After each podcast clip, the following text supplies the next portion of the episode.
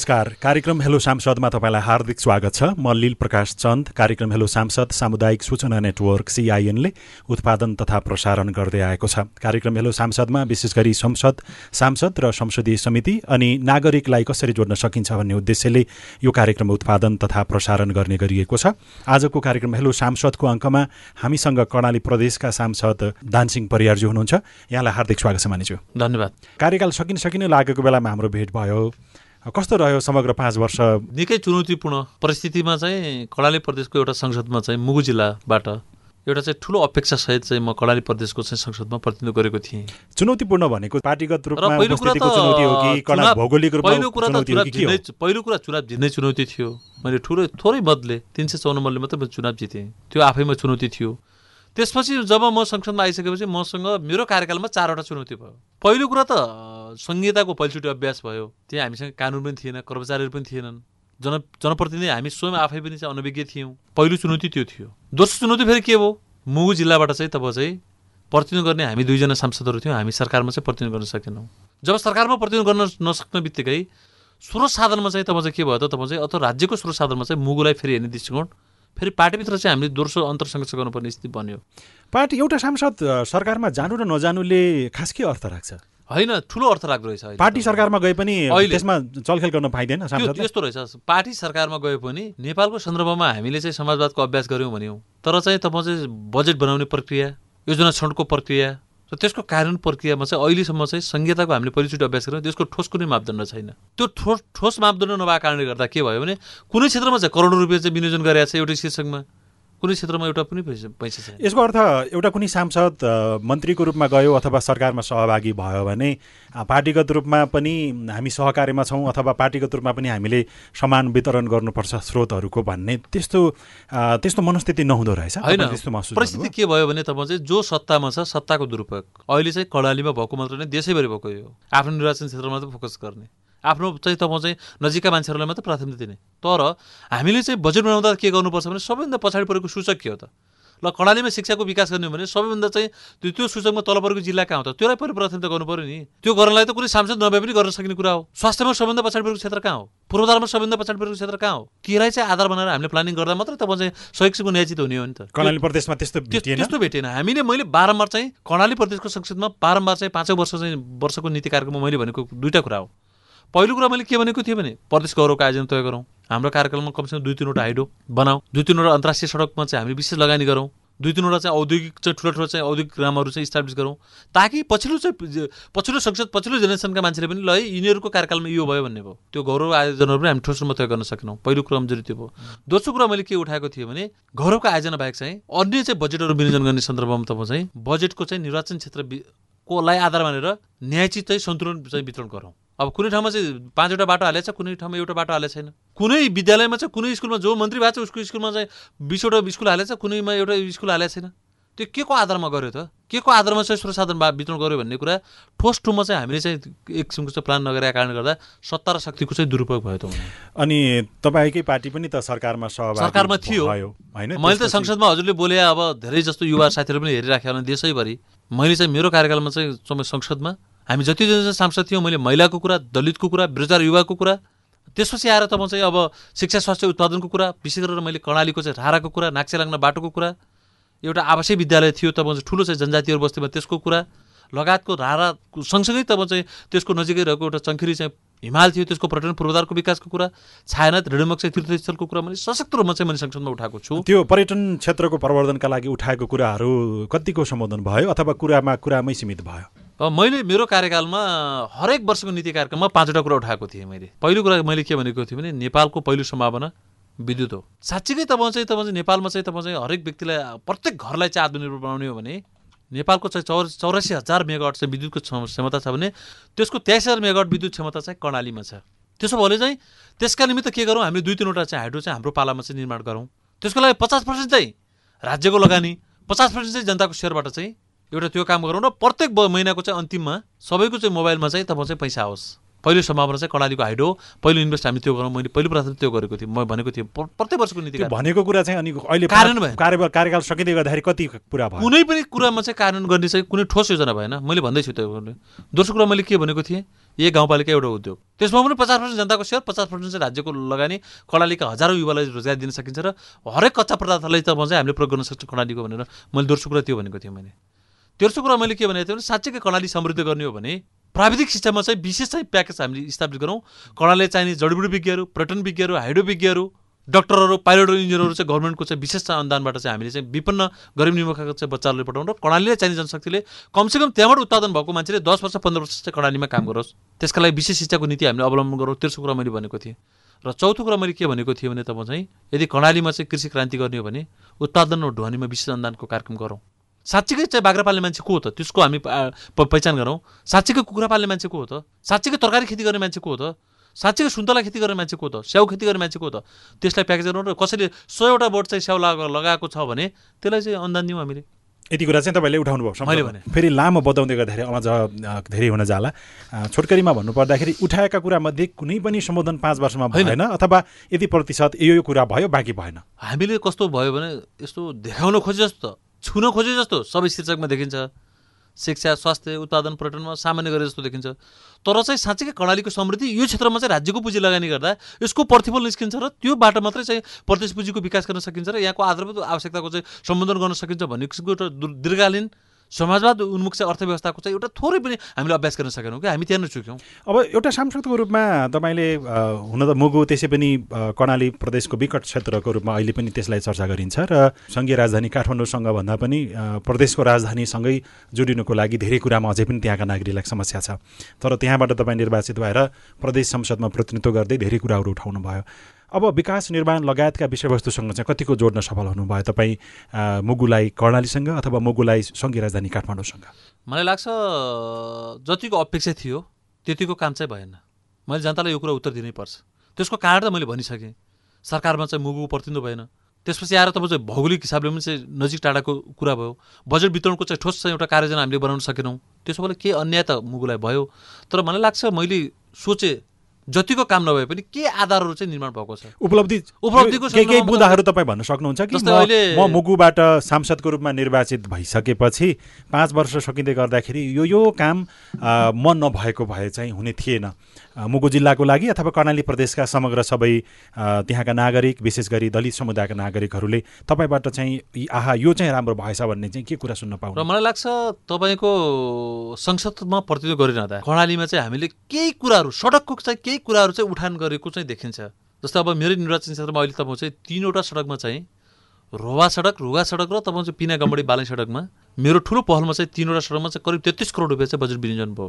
अहिले कमसेकम साबिकको चाहिँ तिनवटा चाहिँ गाउँ गाविसको चाहिँ मान्छेहरू सहजै तरिकाले चाहिँ सदरमा गाउँ आउने स्थिति बनेको छ। अर्को कुरा धारामा मैले बाह्रम्बार चाहिँ वरिपरि साइकल लाइन बनाउने अलिकति त्यसलाई चाहिँ धाराको पर्यटन पूर्वाधार विकास गर्ने भनेर गत वर्ष हामीले तिन करोड रुपियाँ बजेट विनियोजन भयो। यो वर्ष चाहिँ बहुवर्ष चाहिँ चौध करोडको चाहिँ फेरि एकैचोटि टेन्डर हुँदैछ। त्यो त्यो बजेट सरकारको बजेट जानमा पनि तपाईँले ठुलो। मैले? संसदमा बाह्रम्बार चाहिँ यो कुरा उठाइसकेपछि राराको कुरा सडकको तिनवटा सडकको कुरा त्यसपछि आएर खरानको आवासीय विद्यालयको कुरा त्यसपछि आएर विशेष गरेर तपाईँ चाहिँ यो छायानतको चाहिँ पर्यटन पूर्वाधारको विकास। अहिले गम्बडीबाट चाहिँ तपाईँ छाना जानको निमित्त पनि एउटा हेलिप्याडसम्म पनि हामीले त्यो निर्माण गरेका छौँ। छाना जाने बाटो पनि तपाईँ चाहिँ गत वर्ष हामीले केही बजेट विनियोजन गरेर त्यो पनि बजेट बनायो। तर केही आधारभूत रूपमा चाहिँ केही संरचनामा राज्यको केही लगानी भयो? होइन त्यसले चाहिँ केही शिक्षा स्वास्थ्यका केही बिल्डिङहरू पनि बनाएका छन् भवनहरू पनि बनाएका छन्। अब प्रदेश सरकारबाट चाहिँ केही जस्तो डक्टरहरूको कुरा केही शिक्षकहरूको व्यवस्था पनि भएको छ। तर मलाई लागिराखेको कुरा के हो भने वास्तविक फोकस गर्नुपर्ने कुरा अथवा चाहिँ जहाँ इन्भेस्ट गर्नुपर्ने कुरा हो थोर थोरै चाहिँ केही केही क्षेत्रमा चाहिँ गर्न खोजियो जस्तो देखिन्छ। तर समग्रमा चाहिँ कर्णालीमा यो क्षेत्र लगानी गर्दा अ, त्यहाँको पर्यटनको पनि त्यतिकै सम्भावना छ जडीबुटीको पनि त्यतिकै सम्भावना छ। कर्णाली साबिकको कर्णाली भने त पानी मात्र बिक्री गरे पनि हिमालयन मिनरल वाटर भनेर चाहिँ कर्णालीलाई मात्रै विश्वलाई पानी बिक्री गर्न सक्ने क्षेत्र त कर्णाली छ नि। तर त्यो पनि अझै तर त्यो सम्भावना कुनै कुनै प्लान भएन। अनि तालचा विमानस्थलदेखि रारासम्म पुग्नको लागि र कालीकोट अथवा जुम्लाको जहाँ सङ्गम बिन्दु छ त्यो ठाउँसम्म पुग्ने बाटो अलि पहिले समस्या समस्या थियो अहिले समाधान भएर ठिक खासै समाधान भएको छैन। यो कुरा के भयो भने सडकको सन्दर्भमा चाहिँ नागमा गम्बडी सडक चाहिँ सङ्घीय सरकारभित्र पर्यो। त्यसले गर्दा तपाईँ चाहिँ यो चाहिँ मुगु जिल्लाभित्र चाहिँ तपाईँ चाहिँ सङ्घीय सरकारको चाहिँ माध्यममा परेको सडक एउटै मात्रै हो कि गम्बडी नाक्चेलन सडक त्योभित्र त्यो बाटो पऱ्यो त्यसोले गत वर्ष हामीले मेरै पहलमा तपाईँ चाहिँ राराको चाहिँ पर्यटन पूर्वाधार गर्ने सुर्खेत चाहिँ गम के अरे नाङमा गम्बडी चाहिँ सडक विस्तार गर्ने भनेर तिस करोड रुपियाँ चाहिँ बजेट विनियोजन गरेको थियो। प्रदेश सरकारले। तर के हुँदो रहेछ भने हजुरको एक तहले सरकारको नेतृत्व गरिसकेको सडक अर्को सडकले चाहिँ अर्को तहको सरकारले चाहिँ बनाउँदा त्यसको बिल उठाउने प्रक्रियामा पनि त्यो असहज हुने भने त्यो पैसा अन्तिममा फेरि हामीले चाहिँ फेरि राराको नाम जोडेर जुम्ला उत्तुचौड हुँदै तब रारा सडक भनेर फेरि तब चाहिँ अर्को बाटोको चाहिँ त्यो लगानी गर्नु पऱ्यो त्यहाँ चाहिँ हामीले गर्न सकेनौँ। त्यसो भएर अहिले मैले चाहिँ तपाईँ चाहिँ मेरो कार्यकालमा विशेष गरी हजुरले रारा बाटो भन्नुभयो भने तल मूल हाइवेबाट रारा जाने बाटोमा दुईपल्ट चाहिँ पचास पचास लाख रुपियाँ चाहिँ बजेट विनियोजन गरेर अहिले त्यो बाटो चाहिँ ग्राबिलसम्म चाहिँ भएको छ त चाहिँ। अनि मुगुको राराताल छ यो देश दुनियाँमा चर्चा पनि हुन्छ होइन? त्यसलाई राराताललाई अब अप्सरासँग तुलना गरेर हरेक अब साहित्यकारदेखि हरेक व्यक्तिहरूले लेखिराखेको देखिन्छ त्यहाँ गएकाले नगएकाले पनि। राराताल मुगुमा छ मुगुका नागरिकलाई के फाइदा छ? उनीहरूले यो ताल भएका कारणले गर्दाखेरि हाम्रो जीविकोपार्जनमा सजिलो भयो अथवा हाम्रो नुन तेल खाने समस्या हुन्थ्यो। ताल भयो त्यस कारणले गर्दाखेरि यो यो काम गरेर हामीलाई सजिलो भयो आफ्नो जीवन चलाउनु भन्नको लागि। त्यस्तो नागरिकले महसुस गर्ने वातावरण किन बन्न सकेन यस्तो पहिलो कुरा त राराबाट चाहिँ मुगालीले जति अवसर प्राप्त गर्नुपर्ने हो अथवा सिङ्गो कर्णाली प्रदेशले अवसर प्राप्त गर्नुपर्ने हो। यो चाहिँ अपुग्ता छ। पहिलो कुरा त्यसको समस्या के हो त? पहिलो समस्या के हो भने राष्ट्रिय चाहिँ निकुञ्जभित्र पर्यो। निकुञ्जभित्र पर्दा अहिले चाहिँ हामीले गत वर्ष चाहिँ साइकल ल्यान्डको लागि चौध करोडको चाहिँ मैले प्रस्ताव चाहिँ अगाडि बढाउँदा अहिले त्यो स्वीकृत भएर अगाडि पनि बढाएको छ। त्यो गर्दा तपाईँ चाहिँ एउटा चाहिँ तपाईँ चाहिँ सानोभित्र चाहिँ एउटा रुख काट्नु पऱ्यो भने तपाईँ सङ्घीय चाहिँ सरकारसँग चाहिँ अनुमति माग्नुपर्ने। त्यहाँभित्र तपाईँ चाहिँ अब राष्ट्रिय निकुञ्ज महाशाखाबाट एउटा निवेदन एउटा चिठीसम्म गएर भने त्यहाँभित्र चाहिँ कुनै पनि चाहिँ गतिविधि गर्न नपाउने पहिलो समस्या त्यो भयो। दोस्रो कुरा चाहिँ के भयो भने सरकारले नै तपाईँ त्यहाँभित्र एउटा व्यवस्थित किसिमको संरचना बनाउने। होइन? अथवा चाहिँ त्यहाँ मैले त यतिसम्म पनि कुरा उठाएको थिएँ भने जुन त्यहाँभित्र वरिपरि मुगाली जनताले चाहिँ प्रत्यक्ष लाभ पाउने भने त्यो निकुञ्जभित्रको चाहिँ कोर एरियाभन्दा बाहिर जुन मध्यवर्ती क्षेत्रभित्रको चाहिँ जग्गालाई त्यहाँका वरिपरिका मान्छेलाई चाहिँ जग्गा भाडामा दिएर भए पनि बरु निश्चित जग्गा चाहिँ ट्याक्स लिने सरकारले त्यहाँ मुगाली जनतालाई चाहिँ ट्याक्स दिएर पनि तपाईँको चाहिँ केही होटलहरू पसलहरू गर्ने भित्रको कोर एरियाभन्दा बाहिरको एरिया पनि गरेर भए पनि त्यहाँ मुगालीलाई के काम दिनुपर्छ भने त्यो पनि स्थिति बनेन। त्यसको लागि पनि सरकारले चाहिँ अनुमति दिएन सङ्घीय सरकारले अनुमति दिएन। भयो के त हजुरको त त्यो अहिले संरक्षित कुरामा व्यवस्थित छ। तर त्यहाँबाट प्राप्ति गर्नुपर्ने कुरा चाहिँ मुगाली जनताले केही प्राप्ति गरिसकेको मुगुको मात्रै कुरा हो र तपाईँकै पहलमा दलित सम्बन्धी विधेयक पनि संसदमा दर्ता भएर प्रक्रियामा पुग्यो तर अब यो पारित नहुने स्थिति जस्तै भयो किनभने अब कार्यकाल नै प्रदेश संसदको अब सकिन सकिन लागेको कारणले। यो चाहिँ खास के छ? दलित सम्बन्धी विधेयक जो तपाईँको सक्रियताको कारणले आयो आउँदाखेरि कतिको दुःख भयो र आइसकेपछि पारित नभए पनि यो भित्र चाहिँ के के छ? त्यसबारेमा मलाई लाग्छ? हामीले शिक्षा स्वास्थ्य रोजगारी र जमिनको कुरालाई अलिकति त्यसमा हामीले प्राथमिकता दिएका छौँ। भनेको दलित समुदायको दलित समुदायको चाहिँ प्रतिनिधित्वको कुरालाई र तपाईँको चाहिँ सहभागिताको कुरालाई र अलिकति अवसरको कुरालाई हामी त्यहाँ चाहिँ फोकस गरेका छौँ। तर यसमा धेरै कुराहरू चाहिँ फेरि हाम्रो हामीले अस्ति चाहिँ त्यो ड्राफ्ट भइसकेपछि केही छलफल पनि हामीले गर्दाखेरि के भयो भने यसमा अझै धेरै कुराहरू अपूर्णता छ भन्ने कुराहरू त्यहाँ उठिराखेका छ। त्यसो भएर हामी आफै अब संसदमा प्रतिनिधित्व हुँदा त त्यसमा संशोधन गर्ने दफाहरू संशोधन गर्ने होइन तपाईँ चाहिँ आवश्यक भने बिलै फिर्ता गरेर फेरि चाहिँ सरकारले ल्याउन सक्ने स्थिति बन्थ्यो।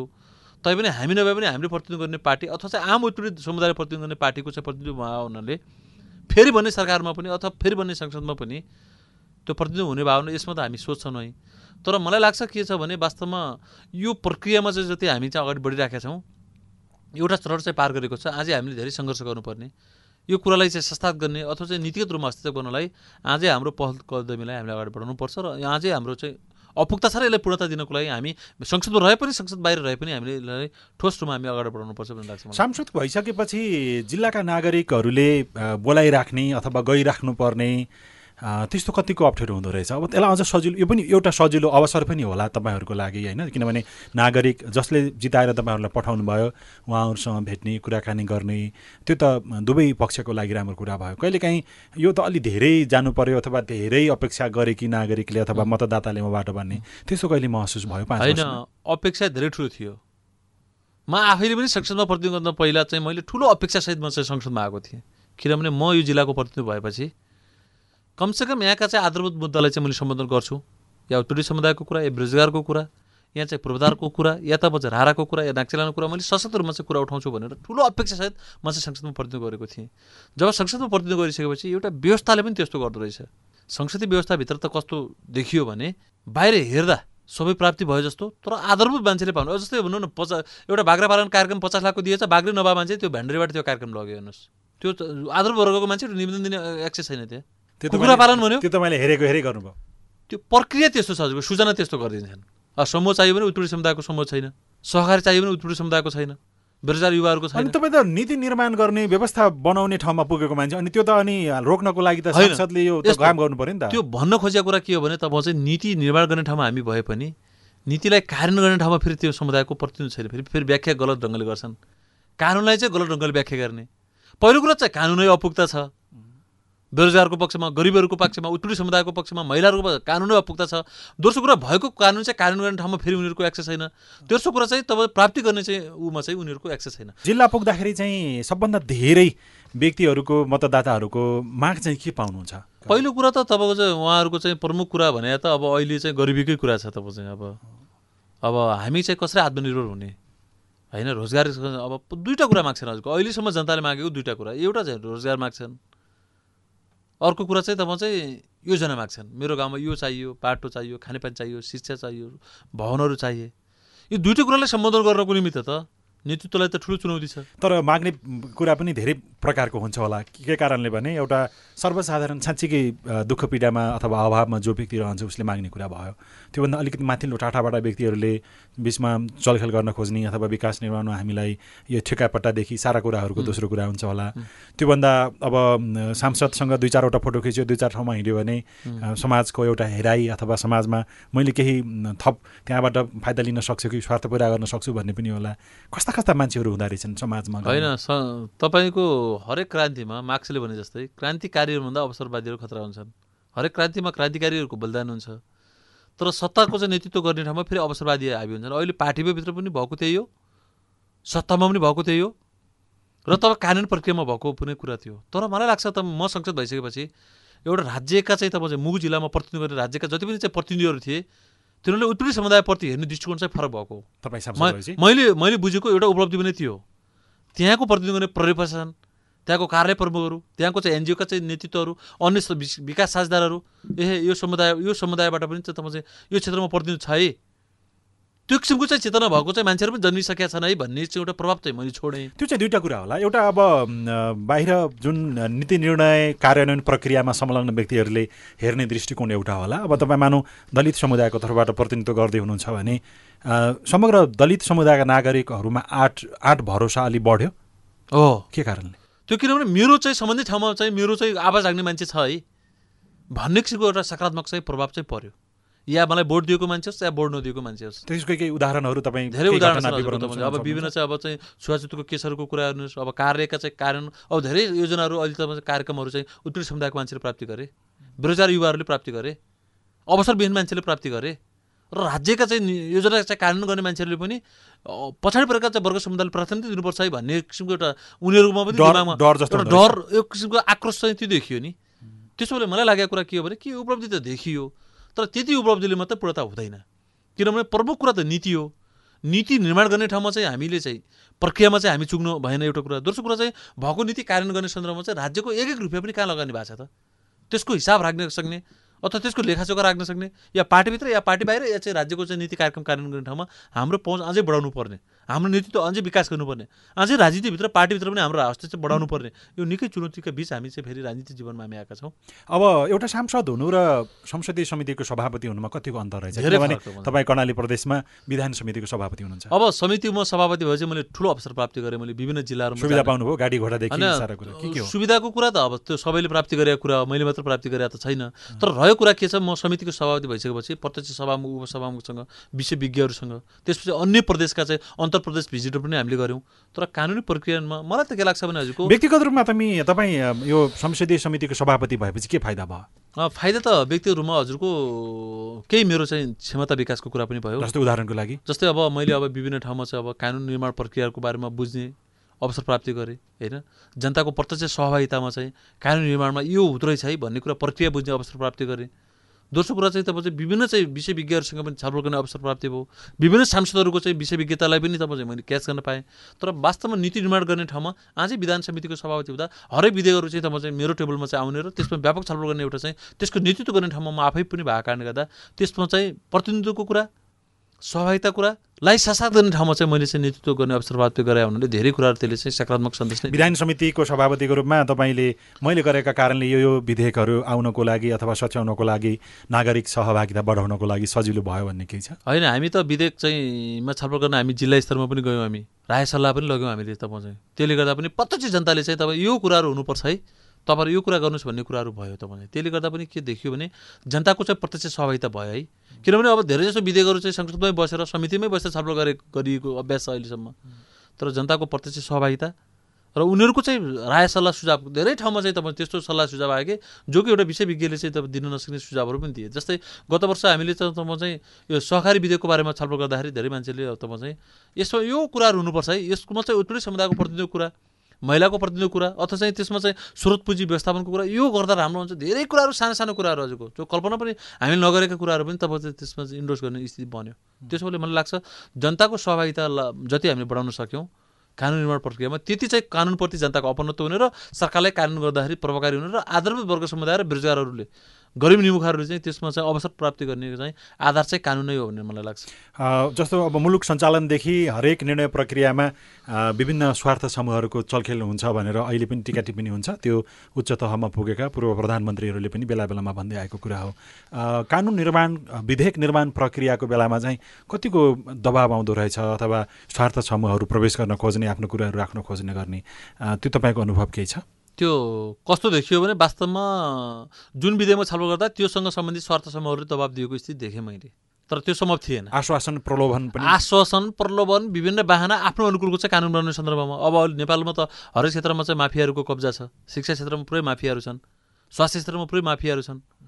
प्राइभेट चाहिँ कामहरूमा चाहिँ टोटल तब चाहिँ निजीकरण भइराखेको छ। होइन तब राज्यलाई चाहिँ निरुत्साहित गर्न अहिले चाहिँ जहाजमै हेर्नु न प्लेनमा तपाईँ चाहिँ। प्राइभेट जहाजहरू चाहिँ छ चाहिँ सरकारी जहाजहरू चाहिँ जिरो कन्डिसनमा छ। हरेक क्षेत्रमा चाहिँ तपाईँ चाहिँ नि दलाल माफियाहरू चाहिँ तपाईँ चाहिँ राष्ट्रिय चाहिँ उसलाई चाहिँ के तपाईँ चाहिँ कमजोर बनाइराखेका छन् तपाईँ अब यो तपाईँले जहाजको कुरा ल्याइहाल्नुभयो।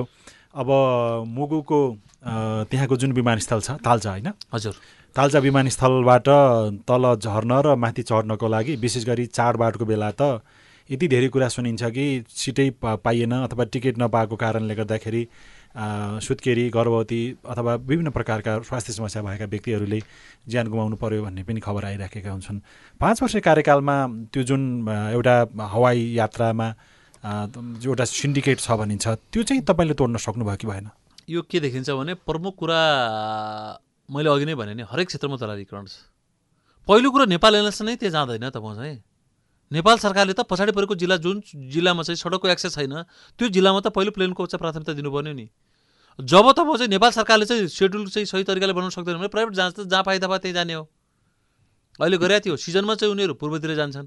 बेसी सिजनमा चाहिँ कडालीमा चाहिँ उनीहरू चाहिँ उडान गर्छन्। मैले यहाँको चाहिँ तपाईँको चाहिँ नेपाल एयरलाइन्सको चाहिँ प्रमुख त्यसपछि आएर तपाईँ मन्त्री त्यसपछि आएर यो प्राइभेट जाँचका चाहिँ तपाईँ डिजीहरूसँग पनि मैले व्यापक धेरैपल्ट छलफल गरेँ। म चाहिँ यो चाहिँ संसद भइसकेपछि। तर उनीहरूले के भन्छन् भने हामी त जता फाइदा भए उति जाने भन्छन्। यो प्राइभेट जहाजलाई पनि नियन्त्रण गर्नको निमित्त चाहिँ तपाईँ चाहिँ ठोस किसिमको चाहिँ तपाईँ चाहिँ मेकानिजम भएन। एउटा एउटा जिल्लामा कति जहाज कति कति फ्लाइट जानुपर्ने हो त? कुनै दिन इच्छा लाग्दैन पाँचवटा फ्लाइट गइदिए हुन्छन्। कुनै दिन एक महिनामा एक दिन फ्लाइट जाँदैन। त्यसो भए त्यसको लागि पनि त्यो पनि नीतिगत कुरा नै हो। तपाईँ सरकारले चाहिँ तपाईँ चाहिँ आफ्नो चाहिँ विकास साझेदारहरूसँग कस्तो किसिमको चाहिँ तपाईँ कार्यनीति बनाउने भन्ने कुरा सङ्घीय सरकारले यसमा ध्यान दिनुपर्छ?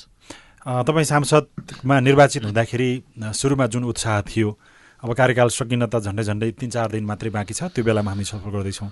अहिलेको उत्साह उस्तै हो कि अथवा अहिले निकै तपाईँ शिथिल सेलाइसक्नु होइन मलाई लाग्छ म त एउटा उत्पीडित समुदायबाट देशैभरिको चाहिँ एउटा चाहिँ नेकपा एमालेको देशभरिमा चाहिँ प्रदेशमा निर्वाचित एउटा सांसद म मात्रै हो। त्यस त्यस मानेमा त तपाईँलाई त मलाई गौरव छ। अर्को कुरा देशैभरि चाहिँ प्रत्यक्ष निर्वाचितमा म कान्छो सांसद हो। तर मलाई के लाग्छ भने म एउटा राजनीतिक जीवनमा आइसकेपछि म भोलि सांसद होला नहोला त्यो सेकेन्ड कुरा हो। तर म जुन क्षेत्रमा छु जुन भूगोलमा छु जुन समुदायमा प्रतिनिधित्व गर्छु म जिउँदो रन्जेलसम्म एक थोपा मेरो शरीरमा ढकर रन्जेलसम्म अन्तिममा म जन्मेको किन हो त? आखिर राजनीतिक जीवनमा मेरो व्यक्ति सबै खुसीहरू गुमाएर म किन राजनीतिक क्षेत्रमा आएँ भन्ने कुरा त मैले मैले मलाई नै प्रश्न गर्नुपर्ने छ त। मैले किन राजनीति गर्दैछु? कसका लागि गर्दैछु र आगामी मेरो योजना के हो? यो तिनवटा कुरा त मेरो जीवनमा चाहिँ सधैँ प्रश्न खडा भइरहन्छ। त्यसो भए पहिलो कुरा अरूले के भने भन्दा पनि मैले गरेको कुरा सत्य हो कि होइन? अथवा चाहिँ मैले गर्न खोजेको चाहिँ परिवर्तनको एजेन्डा के हो त?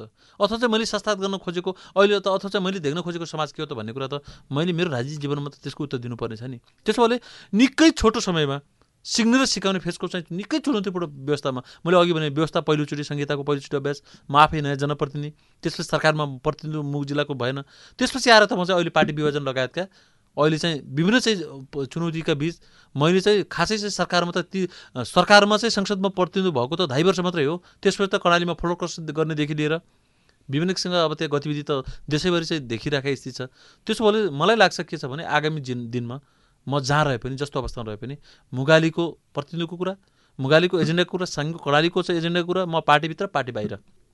जहाँ रहे पनि मैले जुन किसिमको कमिटमेन्ट गरेको छु जुन किसिमको प्रतिनिधित्व गरेको छु म जहाँ छु म किन यो राजनीतिक क्षेत्रमा आएँ भन्ने कुरा चाहिँ मलाई नै आफै एउटा चुनौतीपूर्ण परिस्थिति भएको कारणले गर्दा पनि मैले आफ्नो योग्यता क्षमता पनि बढाउनु पर्ने मेरो एउटा नैतिक चरित्रलाई पनि उच्च बनाउनु पर्ने र आगामी मेरो योजना चाहिँ शस्त्रमा अगाडि बढाउनु पर्ने निकै चुनौती म त भोलि यो देशको अहिले पार्टीको प्रदेश सचिवालय कमिटीमा छु भोलिको त एउटा पार्टीको चाहिँ नेतृत्व गर्ने ठाउँमा पनि पुग्न सक्ने मेरो त्यो किसिमको पनि हैसियत निर्माण गर्नुपर्ने भएको कारणले गर्दा पनि म अहिले कता कहीँ कतै मेरो गन्तव्यमा चाहिँ अगाडि बढ्नुपर्छ र म कहीँ कतै हतोत्साहित हुनु हुँदैन भन्ने कुरा मलाई लाग्छ। अब पार्टी बिचमा ठुलो पार्टी भन्यो फेरि सानो भयो होइन? त्यस कारणले गर्दाखेरि पनि एउटा सांसदको रूपमा काम गर्नुको लागि अथवा समितिको सभापतिको रूपमा काम गर्नुको लागि गाह्रो हुँदो रहेछ। चुनौती भयो निकै चुनौती भयो। जति अपेक्षा थियो त्यो चाहिँ गर्न सकिएन। किन त तपाईँ चाहिँ सरकारमा त्यही मान्छेहरू प्रतिनिधि भयो। जो जसले फलो गरेर चाहिँ ती मान्छे चाहिँ सरकारको प्रतिनिधित्व जो जसले एमाले पार्टी छोडेका छन् ती मान्छे चाहिँ छ छ महिनाको लागि मन्त्री भएको छन्। ती छ महिना मन्त्रीबाट चाहिँ के अपेक्षा गर्ने हामीले तपाईँ कर्णालीका मान्छेले मुगुको मान्छेले के अपेक्षा गर्ने? त्यो त आम मान्छेलाई मैले संसदमा बोलेको छु तपाईँ चाहिँ कस्ता कस्ता मान्छे चाहिँ हामी सरकारमा प्रतिनिधित्व गरायौँ? कस्ता कस्ता मान्छेहरू चाहिँ सरकारको नेतृत्व गरे? त्यसो भए त्यसले क्वेसन चाहिँ सिजन गरेर यद्यपि उहाँहरूले राम्रो काम गर्न खोजेको तर फेरि बाहिर बसेका मान्छेले काम गर्न दिएनन् भनेर भन्दै हिँड्नु भएको छ। त्यो त अर्को फरक विषय भयो। अब अबको विचार के छ त तपाईँ? अब फेरि प्रदेशमै दोहोरिने हो कि? अब अब मैले भनेको तपाईँको विचार चाहिँ के छ त्यसपछि कुरा पार्टीले चाहिँ अब जे गर्छ मैले त भनेको छु म त सङ्घीय सांसद हुनु पनि मेरो योग्यता क्षमता भ्याउँछ।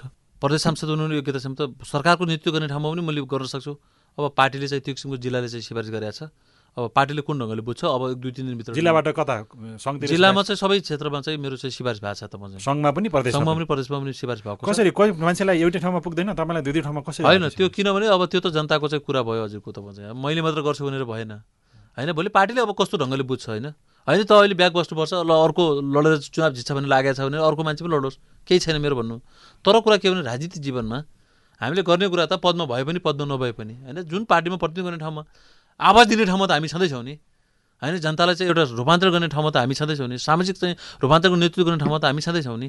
त्यसो भए मलाई लाग्छ हामी आगामी दिनमा अलिक सस्तोमा आज अगाडि बढ्छौँ र नयाँ ढङ्गले चाहिँ आगामी योजना बनाएर हामी अगाडि बढ्नुपर्छ। समय दिनुभयो यहाँलाई धेरै धेरै धन्यवाद छ मानिसु धन्यवाद। आजको कार्यक्रम हेलो सांसदमा हामीले कर्णाली कर्णालीमा पनि मुगुबाट निर्वाचित सांसद दानसिंह परियारसँग कुराकानी गऱ्यौँ विशेष गरी एउटा सांसदको रूपमा एउटा संसदीय सभापतिको रूपमा पाँच वर्ष कार्यकाल कस्तो रह्यो आरोह अवरोह र आगामी योजनाका बारेमा आजको कार्यक्रम सांसदमा छलफल भयो।